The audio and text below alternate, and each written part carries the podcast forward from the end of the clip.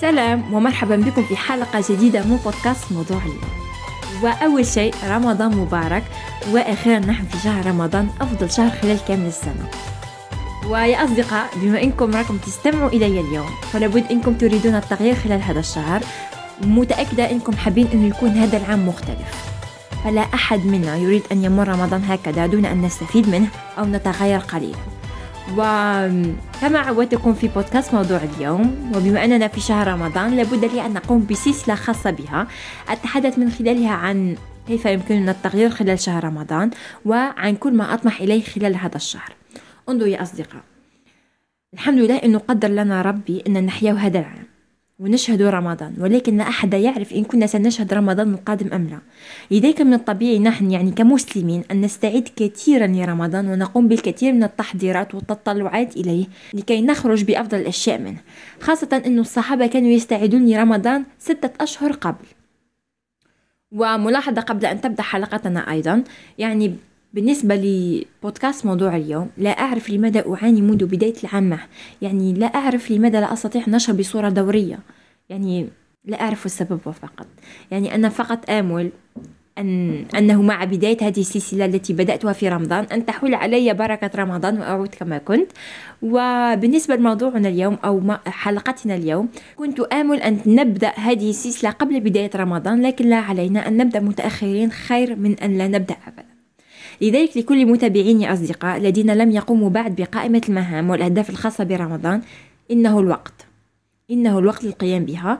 وعلاه نديروها باش نخرجوا بأفضل النتائج أو أفضل نسخة من أنفسنا خلال رمضان. وباش نستفيدوا استفادة قصوى من هذا الشهر المبارك. ولكن قبل أن نبدأ حلقتنا اليوم دعوني أشرح لكم قليلا أهداف هذه السلسلة وكيف ستكون. انظروا. في هذه السلسلة أهم ما ركزت عليه هو أن تكون كمية المعلومات كبيرة. دون الاهتمام لمدة الحلقة. أنا دائما ما كنت أريد أن تكون حلقة حلقات البودكاست الخاص بي أن تكون قصيرة يعني لا تكون أكثر من نصف ساعة. ولكن خلال هذه السلسلة لن أهتم أبدا. يعني سأضع الهاتف أمامي سأقوم بالتسجيل دون النظر أبدا إلى إلى المدة. كذلك حاولت أن أجعل أسلوب هذه السلسلة كأنه حديث بين الأصدقاء أكثر من كونه حلقة تثقيفية أو تعليمية. انظروا يا أصدقاء بين قوسين. أنا أعاني كثيرا كي أجعلكم تفهمون أفكاري من خلال لغتي التي تكون لغة عربية ليست فصحى بل تكون مفهومة للجميع. إذا أحيانا مهما حاولت أن أبدو طبيعية من خلال كلامي عندما أسمع إلى الحلقة فيما بعد تظهر لي كأنني مصنعة قليلا لذلك هذا ليس شيء يعني ليس شيء أتعمد القيام به ولكن بسبب أنني أحاول أن أتحدث في البودكاست بلهجة لا أتحدثها في حياتي اليومية. تبدو غريبة قليلا عندما أستمع إليها خلال حلقات بودكاست موضوع اليوم. يعني بالمختصر يا أصدقاء خلال هذه السلسلة ستجدون إن شاء الله الكثير من المعلومات والمواضيع في حلقة واحدة.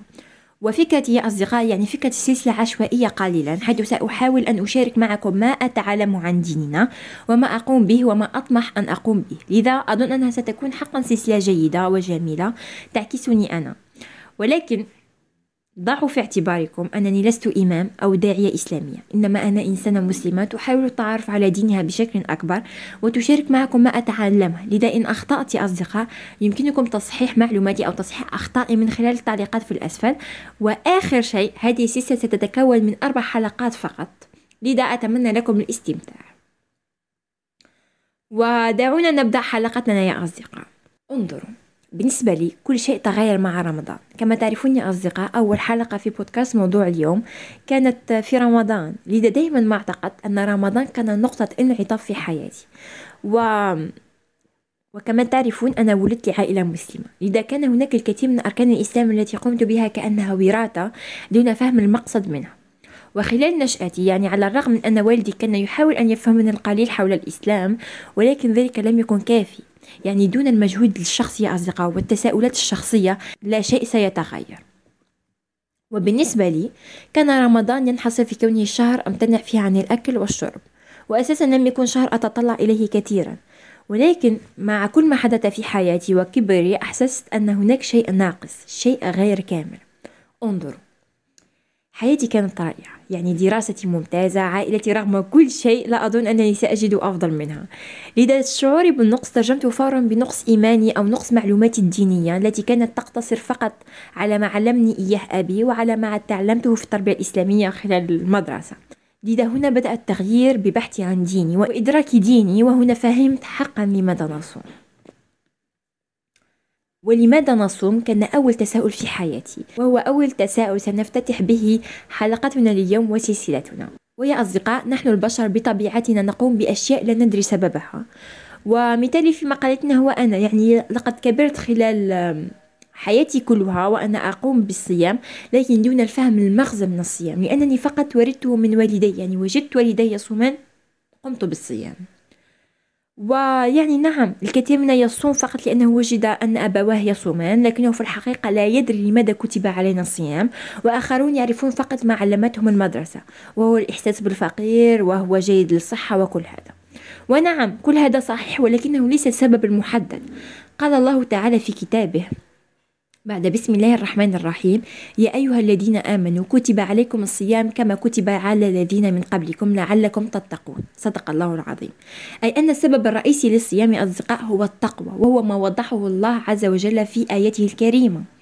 وقد كنت أبحث كثيرا عن معنى التقوى فكما تعرفون يعني كل يعني تجدون كل إمام له تعريف خاص به في التقوى.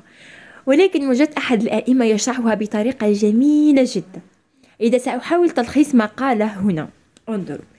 لقد قال الإمام أن الكثير يشرحون التقوى بالإيمان والخوف من الله ولكن ولكن في الحقيقة إن كان يجب على المسلم أن يخاف الله فكيف سيكون علاقة جميلة مع خالقه والعلاقة الطيبة يا أصدقاء كما تعرفون هو الأساس الإسلام. فلو كان أساس العلاقة الخوف فكيف نتصور أن تكون طبيعة العلاقة بين الخالق وخلقه؟ وهنا طلب منا الإمام التفكير في شخص نحبه. وقال هل يمكن أن تقوموا بأي شيء يزعج من تحبونه؟ أو هل تخاطرون بإفساد علاقتكم معه؟ وكانت إجابة الحضور بالطبيعة لا وهنا قال أن التقوى في الأساس هو الخوف من إفساد العبد لعلاقته مع ربه وذلك من شدة حبه له أي أن الخوف يا أصدقاء ليس من الله بل الخوف من خسارة وغضب الله أي بمعنى آخر التقوى هي الوقاية من عقاب الخالق بجعل حاجز بين العبد وبين ما يغضب الله وبالعودة لنقطة البداية أصدقاء نحن نصوم للتقوى أي لترتقي علاقتنا بالله بإدراكه وإدراك قدرته ومدى رفقه بعباده. ونرى أهمية هذا الشهر أكثر في دعاء جبريل وتأمين النبي صلى الله عليه وسلم في دعائه. ويل لمن أدركه رمضان ولم يصم كذلك يا أصدقاء قال الإمام في محاضرته أنه جميع الناس تنتظر Black Friday دون صبر وذلك لشراء ما كانت تريده خلال العام فتضع الكثير من التنبيهات لكي لا تنسى ذلك اليوم. وبالنسبة لرمضان هو نفس الشيء ولكن ما ستحصل عليه هو المغفرة والأجر والجنة إن شاء الله. لذا بطبيعة الحال رمضان أفضل فما نحصل عليه روحاني وهو أفضل من الماديات. وإن كان هدفنا جميعا يا أصدقاء من خلال هذا الشهر أن نكون أفضل نسخة من أنفسنا فلا بد أن نبدأ بإيماننا وأن نصحح جميع المعتقدات الخاطئة التي تبنيناها من المجتمع وهنا يأتي السؤال كيف أجعل رمضان هذا العام مختلف؟ أدرك يا أصدقاء يعني إدراك تام أننا دائما ما نريد أن تكون الأمور مختلفة سواء كان ذلك في رمضان في بداية العام الدراسي أو حتى بداية السنة الميلادية ولكن في النهاية دائما ما تكون النتيجة واحدة وهي أن لا شيء تغير وأننا نعيد نفس الأخطاء السابقة. حتى لو قمنا بالتغيير نقوم بالتغيير في الفترة الأولى ثم نعود لما كنا سابقا. إذا يا أصدقاء إن أردتم أن يكون هذا العام مختلف يجب عليكم أن تحدثوا التغيير. والتغيير دائما ما يبدأ بالعقلية والتي تنعكس بعدها على العادات. لذا سأحاول أن أعطيكم بعض من الأشياء والأفكار التي أخطط لفعلها خلال شهر رمضان والتي أظن أنها ستساعدكم أيضا. صراحة يا أصدقاء من بين أهم أهدافي خلال هذا الشهر هو التدبر في القرآن الكريم وفهم معانيه. أحاول أيضا أن أكون إنتاجية أكثر من أي وقت مضى فكما تعرفون هذا الشهر يكون فيه بركة كبيرة. وكما وضحت خلال الجزء الأول من حلقتنا وإن نسيتم دعوني أذكركم أن السبب الرئيسي للصيام يا أصدقاء هو التقوى. لذا هدفنا الأساسي يا أصدقاء هو التقوى. ولكن بالإضافة إلى التقرب إلى الله يجب على المسلم أن يمتلك أشياء أخرى للقيام بها. وهنا نفترق يا أصدقاء. فكل شخص منا لديه هدف أو أشياء مختلفة يريد تحقيقها وذلك باختلاف أفكاره وتوجهاته. لذا دائما ما أقول يجب عليكم دائما الجلوس لوحدكم والتفكير كثيرا فيما تريدون تغييره حقا. لذا هذه هي اللحظة لتسألوا أنفسكم ماذا تريدون أو ما هي الخطوة القادمة التي تريدون القيام بها. ولنتفق يا أصدقاء مهما بدا ما أقوله لكم الآن مبتدل إلا, إلا أنني ما أقوله لديه تأثير كبير وسيؤثر كثيرا فيكم وفي طريقة تفكيركم. يعني بين قوسين كان من المفترض أن تكون هناك مقالة الأسبوع الماضي حول العقل وقوة الأفكار الموجودة فيه وهي حلقة كانت ستجعلكم تفهمون أن ما يوجد في عقلكم ينعكس دائما على حياتكم مهما كان إيجابي أو سلبي. لذا دائما يجب عليكم أن تعرفوا ما موجود داخل عقلكم. يا أصدقاء بعد أن تفهموا حقا ماذا تريدون. دعونا نعود لنقطة البداية ونعيد السؤال كيف أستفيد خلال هذا الشهر؟ دعوني أخبركم ببساطة أن المسألة على حقيقتها عبارة عن تهيئة القلب بمعنى أبسط إيقاظ القلب. والفكرة من إيقاظ القلب ما هي؟ الفكرة هو أن نعلم يقينا يا أصدقاء أن كل يعني كل ما في هذه الدنيا عبارة عن أمور بيد الله. يرسلها أو يقبضها يعطيها أو يمنعها. وقد أخبر الله بوضوح أن هذه الدنيا عبارة عن امتحان في كل ما فيها. يقول الشيخ حازم صلاح أبو إسماعيل أنه إذا رأى جارا ثريا أو صديقا غنيا علم أن هذا امتحان حيث قال تعالى بعد بسم الله الرحمن الرحيم وجعلنا بعضكم لبعض فتنة. أتصبرون؟ صدق الله العظيم. وقال أيضا أن الله يعني قال الشيخ حازم صلاح أن الله ينزل ما يشاء بقدر معلوم. ولله في الرزق والعطاء وتقديره بين الناس عجائب ولطائف كثيرة. ولكن يا أصدقاء الحل الفكري وحده لن يكون مفيد لأن مجرد المعرفة العقلية الذهنية لا تعني شيئا حيث لا ينقذ الإنسان مجرد وجود المعلومة بل ينقذه أن يذوق معناها. ومع العودة للواقع هناك الكثير من الناس الذين يعرفون الإسلام ويستطيعون أن يتحدث عنه بفهم في منتهى الدقة. وهم مع ذلك لا يصلون لله ركعة واحدة ولا ينفذون واجباتهم اتجاه الله. فأساسا يا أصدقاء عندما نعود للواقع الإسلام في جوهره عبارة عن تطبيق تعاليم ديننا في الواقع وليس فقط حفظها. فكم مسلم يقرأ القرآن كأنه رواية دون فهمه حتى أو حتى تطبيقه. إذا كخطوة أولى لهذا العام هو الاهتمام بالنوعية وليس الكمية. فما أجمل أن نختم القرآن ولكن أفضل من هذا هو فهم ومحاولة تطبيق ما فهمناه. باختصار يا أصدقاء خطوتي الأولى أو هدفي الأكبر خلال هذا العام هو التقرب من الله بأداء واجباتي تجاهه وتطبيق تعاليمه في الواقع لذا أرجو منكم أن تقوموا بنفس الشيء. وصدقوني يا أصدقاء ستغير هذه الخطوة الكثير في حياتكم. مع العلم يا أصدقاء. أنا سأكتف من تطبيق عباداتي في هذا الشهر. فعن عائشة رضي الله عنها قالت إن النبي صلى الله عليه وسلم كان يجتهد في العشر ما لا يجتهد في غيرها. والفرق فقط يا أصدقاء خلال هذا العام أنني أريد أن ألاحظ إسلامي في تصرفاتي وليس فقط في أقوالي. ما أريد القيام به أيضا خلال هذا الشهر هو تعلم كيفية تطوير موقع هذا شيء أردت أن أتعلم خلال كامل حياتي. والسبب الأول هو حبي الكبير لتطوير موقعي مدونة موضوع اليوم. وإن شاء الله سيكون رمضان هو الموعد. يعني دايما ما أتخيل أنني تعلمت تطوير الموقع وأنني طورت موقعي الخاص. يعني هذا سيكون شيء رائع. كذلك خلال هذا الشهر أريد أن أدرس أكثر. أنا دائما ما أكون أكثر اجتهادا خلال شهر رمضان. وسأحاول وسأحاول أن أشارككم في حلقة أخرى طريقتي في الدراسة خلال هذا الشهر. بالنسبة لكتب يا أصدقاء أنا لم أقم بتحميل نفسي أكثر من قوتها فبالإضافة إلى قراءة القرآن الكريم سأقرأ كتاب واحد فقط وهو كتاب وجدته عند جدتي وهو كتاب لا تحزن وابتسم للحياة الطبعة الشرعية للشيخ محمود المصري. وقد قرأت بعض منه وقررت فقط أن أبدأه خلال شهر رمضان وهو كتاب رائع أنصحكم أن تقرأوه. فالكاتب خلال هذا الكتاب لا يتحدث فقط من الجانب التطويري. يعني لا يتحدث فقط من جانب تطوير الذات بل, بل دمج بين تطوير الذات والإسلام وخرج بكتاب فقط أقل ما يمكنني قوله هو كتاب رائع. ومن جانب الكتب الدينية لدي كتاب آخر جميل جدا لم أقرأه بعد اسمه فقط الله. ووجدت الكثير من الناس يمدحونه ربما بعد انتهاء رمضان سأحاول قراءته. وبين قوسين يا أصدقاء أريد فعلا بعد انتهاء هذه السلسلة سلسلة رمضان أن أقوم بمقالة كاملة حول الكتب التي قرأتها وأحببتها. أظن أنها ستكون يعني حلقة جميلة جدا فهناك الكثير من الكتب الرائعة التي قرأتها وغيرت الكثير من طرق تفكيري. يعني يعني الكتب شيء رائع أتمنى من كل شخص لم يقرأ الكتب أو ليس لديه هواية المطالعة أن يبدأها. و... وشيء يا أصدقاء لدي حلقة تحدثت فيها عن الكتب وكيف أن الكتب شيء رائع. سأترك لكم رابط الحلقة في الأسفل إنها أظن أنها حلقة رائعة جدا. أتمنى أن تستفيدوا منهم. باختصار يا أصدقاء هذا الشهر لدي الكثير من الوعود التي قطعتها لنفسي والتي سأحققها بإذن الله خلال هذا الشهر. وخلال هذه السلسلة سأشارككم الكثير مما أتعلمه وأحققه. وآخر عنوان في حلقتنا يا أصدقاء هو كلام الناس. حسنا. هذه النقطة مهمة جدا. حيث سأتحدث أولا عن العائلة والأقارب. انظروا. مهما عانينا من عائلتنا ومهما أصبح لدينا تجارب مؤلمة معهم يبقون أهم جزء في حياتنا. فللأسف الكبير العائلة هي المكان الوحيد التي تفعل فيه كل أنواع الإساءات بنية طيبة. وإن كنتم تستمعون بودكاست موضوع اليوم بشكل دوري تعلمون أنني عانيت كثيرا من أوقات سيئة سواء وذلك في أغلب الأحيان بسبب عائلتي وبسبب طريقة تعاملهم معي. ولكن مع مرور السنوات أدركت كم أن العائلة مهمة. وكم أنها المكان الوحيد الذي نظهر فيها بالشخصية الأقرب لحقيقتنا. ولا ننسى يا أصدقاء أن العائلة أوصى بها الله تعالى وأوصى بها الرسول صلى الله عليه وسلم.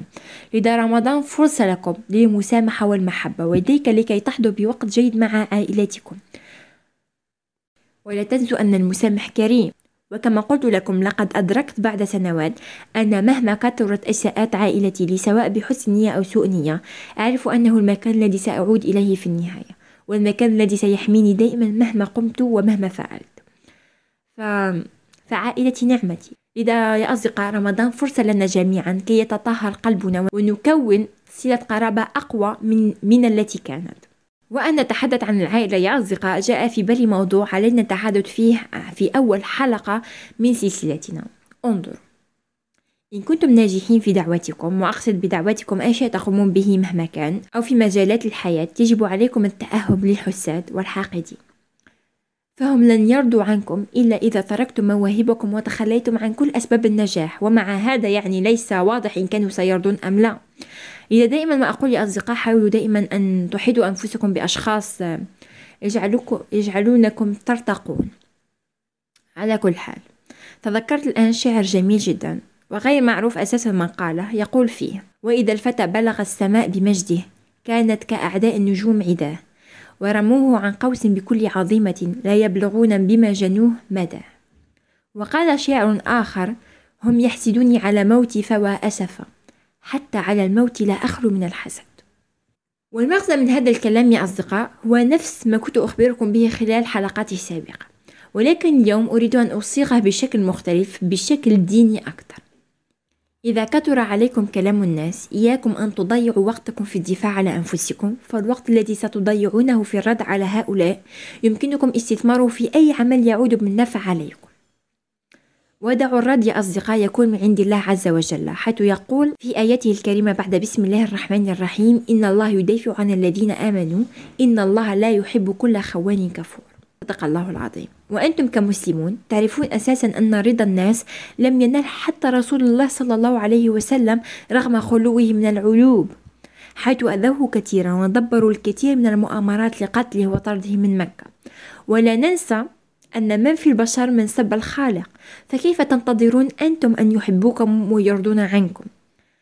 فعن عبد الله بن عباس رضي الله عنه أن النبي صلى الله عليه وسلم قال قال الله عز وجل كذبني ابن آدم ولم يكن له ذلك وشتمني ولم يكن له ذلك أما تكذيبه إياي فقوله لن يعيدني كما بدأني وليس أول الخلق بأهون علي من إعادته وأما من شتمه إياي فقوله اتخذ الله ولدا وأنا الأحد الصمد الذي لم يلد ولم يولد ولم يكن له كفوا أحد.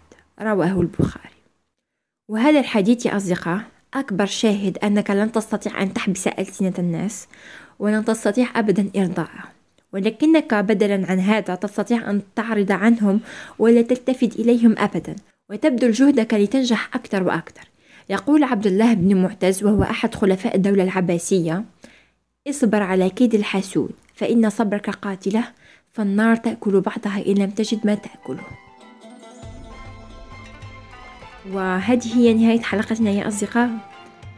نتمنى انكم استمتعتم نتمنى انكم استفدتم وإن شاء الله نلتقي في حلقة قادمة إن شاء الله. وقبل أن تنتهي أريد أن أذكركم أنكم يمكنكم دائما أن تقرأوا آه، حلقاتي بشكل مقالات من خلال الرابط التي سأتركه لكم في الأسفل. ودمتم في أمان الله ورمضان مبارك مرة أخرى.